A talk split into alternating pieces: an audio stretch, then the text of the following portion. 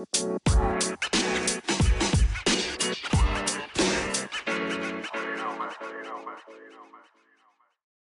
hey, super tof dat je luistert naar een nieuwe aflevering van de Positief met Pubers podcast.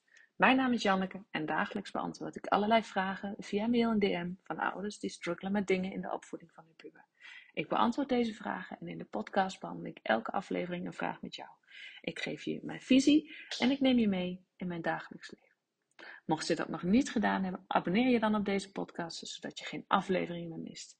En als je deze podcast tof vindt, geef het dan zoveel mogelijk sterren of een positieve review. Hoe meer positieve reviews, hoe meer platforms als Spotify en Apple Podcasts deze podcast gaan aanbevelen aan andere ouders die deze podcast nog niet kennen. Daardoor kan ik groeien met deze podcast. Maar wat ik nog belangrijker vind, daardoor kan ik nog meer ouders bereiken die met soortgelijke struggles zitten als dat jij misschien zit. Je zou me enorm plezier mee doen. Dus dank je wel alvast. En nu gaan we gauw beginnen. Hey, wat leuk dat je weer luistert. Nieuwe Positief met Pubers podcast. En vandaag wilde ik eindelijk het eerste deel van mijn interview met Nina Mouton met je delen. Maar ik had gisteren toch iets meegemaakt dat ik dacht, nee, dat, dat moet nu gewoon even eerst voordat ik die podcast doe. Wat gebeurde was namelijk het volgende. Ik heb uh, een aantal leerlingen die ik al enige jaren uh, elke week zie. En, en, in deze situatie ook. Een puber die uh, met fysieke beperking...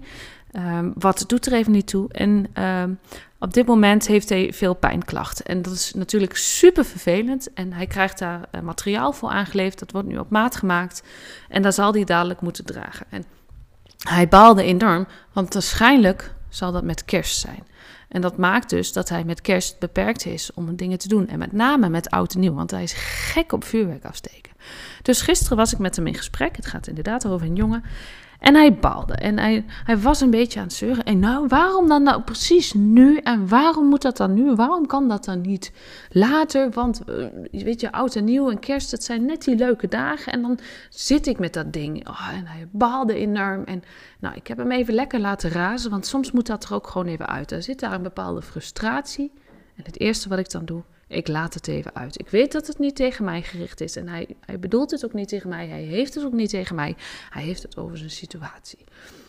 Dat is dan een hele interessante voor jou om als ouder in te zien. Ik ben natuurlijk niet zijn moeder, maar wel een hele belangrijke.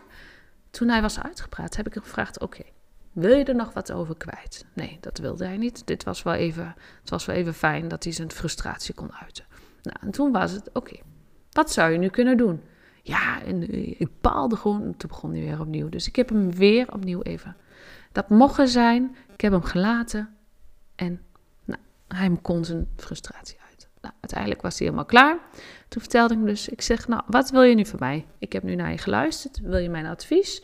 Wil je dat ik de situatie oplos? Wat wil je? Dan zegt hij, nou, hij kon wel wat advies gebruiken. Want hij wilde weten hoe hij met deze situatie om kon gaan. En hij had hem wel vaker daarmee met dit soort dingen geholpen. Dus ik mocht hem wel adviseren. Oké.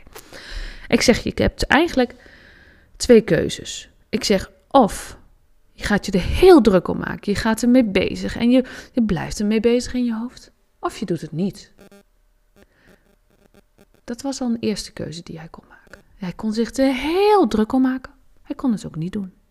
Nou, hij koos ervoor. Ja, oké, eigenlijk is dat wel heel simpel gezegd. Um, maar uh, ja, ze hebben me al gezegd dat. En de vorige keer. Ik ja, Oké. Toen liet ik hem een foto zien van afgelopen maandag toen het lekker sneeuwde. En ik reed naar mijn werk. En voor mij zag ik allemaal bomen met wat lichte sneeuw erop. Dus een beetje wit. En de vloer of de grond was wit. En heel mooi. Ik, en ik liet hem ook een foto zien van mijn achteruitkijkspiegel. En dan was het gewoon vies. En nou ja, vies, niet vies, maar gewoon de boom zoals hij er normaal uitziet. Ik zeg, wat zegt dat jou? Ja, dat ik uh, niet altijd zo achteruit moet kijken naar wat al gebeurd is. Ik zeg, exact, hij wist het precies. Want dit zijn dingen die we vaker bespreken. Ik zeg precies. Ik zeg, wat jij nu doet, is boos worden en je energie steken in dingen die gebeurd zijn. Waar je dus niets meer aan kan veranderen. Het enige wat je eraan kan veranderen is de manier waarop je, of de, hetgeen en hoe jij erover denkt. Dat is wat je kan veranderen. Je kunt die situatie niet veranderen, want het is geweest. Het enige waar je invloed op hebt, is het nu. En watgene wat voor jou ligt. En dat kan heel mooi zijn, net als deze foto. liet ik hem dus zien. Nou, hij kwam weer aan het denken. Oké, ja, maar het is toch niet leuk dat het nou net met kerst is? Ik zeg nee. Ik zeg maar, waarom krijg jij die aanpassing? Ja, hier en hierom. Dus dat ik op de lange termijn minder pijn heb. Ik zeg, precies. Ik zeg, wat heb jij ervoor over om minder pijnklachten te hebben? Ja, alles. Ik zeg, is dat zo? Toen moest hij even nadenken. Oh, zegt hij. Ja, eigenlijk heb je gelijk. Want ik maak me nu boos over iets wat eigenlijk maar heel kort is, zei hij. Ik vond het zo'n mooi inzicht. Waar ik eigenlijk maar heel even last van heb. En op de lange termijn heb ik gewoon minder pijnklachten. Nou, zegt hij. Ja, als je het dan zo bekijkt. En toen heb ik hem dus inderdaad ook verteld. Ik zeg, de korte termijn is dat je inderdaad je kerst en je auto nieuw mogelijk met de aanpassingen zit. Maar op de langere termijn, dus volgend jaar kerst en de kersten daarna, heb je waarschijnlijk veel minder pijnklachten. Is aan jou de keuze, wat wil je? Ja, ja, ja, het is maar heel even eigenlijk, hè. Het is maar een paar maanden dat ik dat moet. Ik zeg, nou ja, exact. Dus wat ga je dan nu doen? Ja, zegt hij, ja, ik denk dat ik er me even minder druk om moet gaan maken. Dat inzicht, weet je, ik heb daarin vooral de vraag gesteld. Ik heb hem een aantal voorbeelden gegeven, want hij is echt van de praktijk. En hij heeft zelf zijn conclusies getrokken. Ik vond het zo mooi. Ik vond het zo waardevol. Zo waardevol dat ik dacht van, nou, dit wil ik gewoon even met je delen. Want dat is het. Jij kan jouw cirkel van invloed, kun je bepalen. Dus de, hetgeen waar jij of je puber, dit ging dan over een puber, zich op focust, dat ja, alles wat je aandacht geeft groeit. Dus waar de focus ligt, daar gaat je energie naartoe.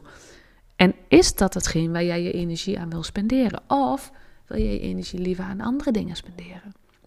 En daar heb ik het ook met hem over gehad. Dus toen hij tot de conclusie kwam: oké, de korte termijn en lange termijn. Oké, nou, de lange termijn is dat ik minder pijn heb. Ja, dat is eigenlijk wel heel fijn. Dan maakt het korte termijn. Ja, natuurlijk is het even vervelend in het moment. Want dat was, zegt hij, want dat was met de operaties ook wel. Maar daarna was wel dat ik mijn hele lichaam weer naar behoren kon gebruiken. Ik zeg exact. En dat is het verschil tussen korte termijn denken en lange termijn denken. Een growth mindset en een fixed mindset. Dat was het vervolg waar ik het hem over met, met hem over had. Want een fixed mindset zit, je, ja, het zit vast. Dus je bent eigenlijk constant aan het denken in het wat als en waarom ik. En wa, wat is nou in het balde van, nou ja, weet ik veel wat allemaal.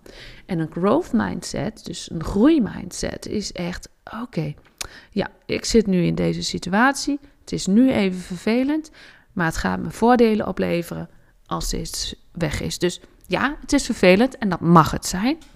En ik ga er profijt van hebben in de toekomst. En dat besef is zo waardevol. En ik merk ook in, mijn, in de gesprekken die ik met mijn eigen kinderen heb, dat daar nog misschien nog wel meer aandacht aan besteed mag worden. Dus denk nou eens voor jezelf na. Hoe vaak praat jij met je puber over het verleden? Weet je, wat, wat er ook mag zijn, wat ook een plek mag hebben. Maar hoeveel energie besteed je eraan? En hoe liever zou je niet willen dat je energie besteedt aan hetgeen wat nog voor je ligt, wat nog gaat komen en wat het voordeel is van de huidige situatie. Hoe je situatie nu ook is. Want een ander voorbeeld, ik heb ook een leerling die echt heel diep zit nu in haar problematiek, ga ik verder niet op in. En waardoor het lastiger is en moeilijker is om vooruit te kijken. Maar ik zeg niet dat je volgend jaar, maar ook oké, maar wat ga je vandaag doen om je een klein stukje beter te voelen?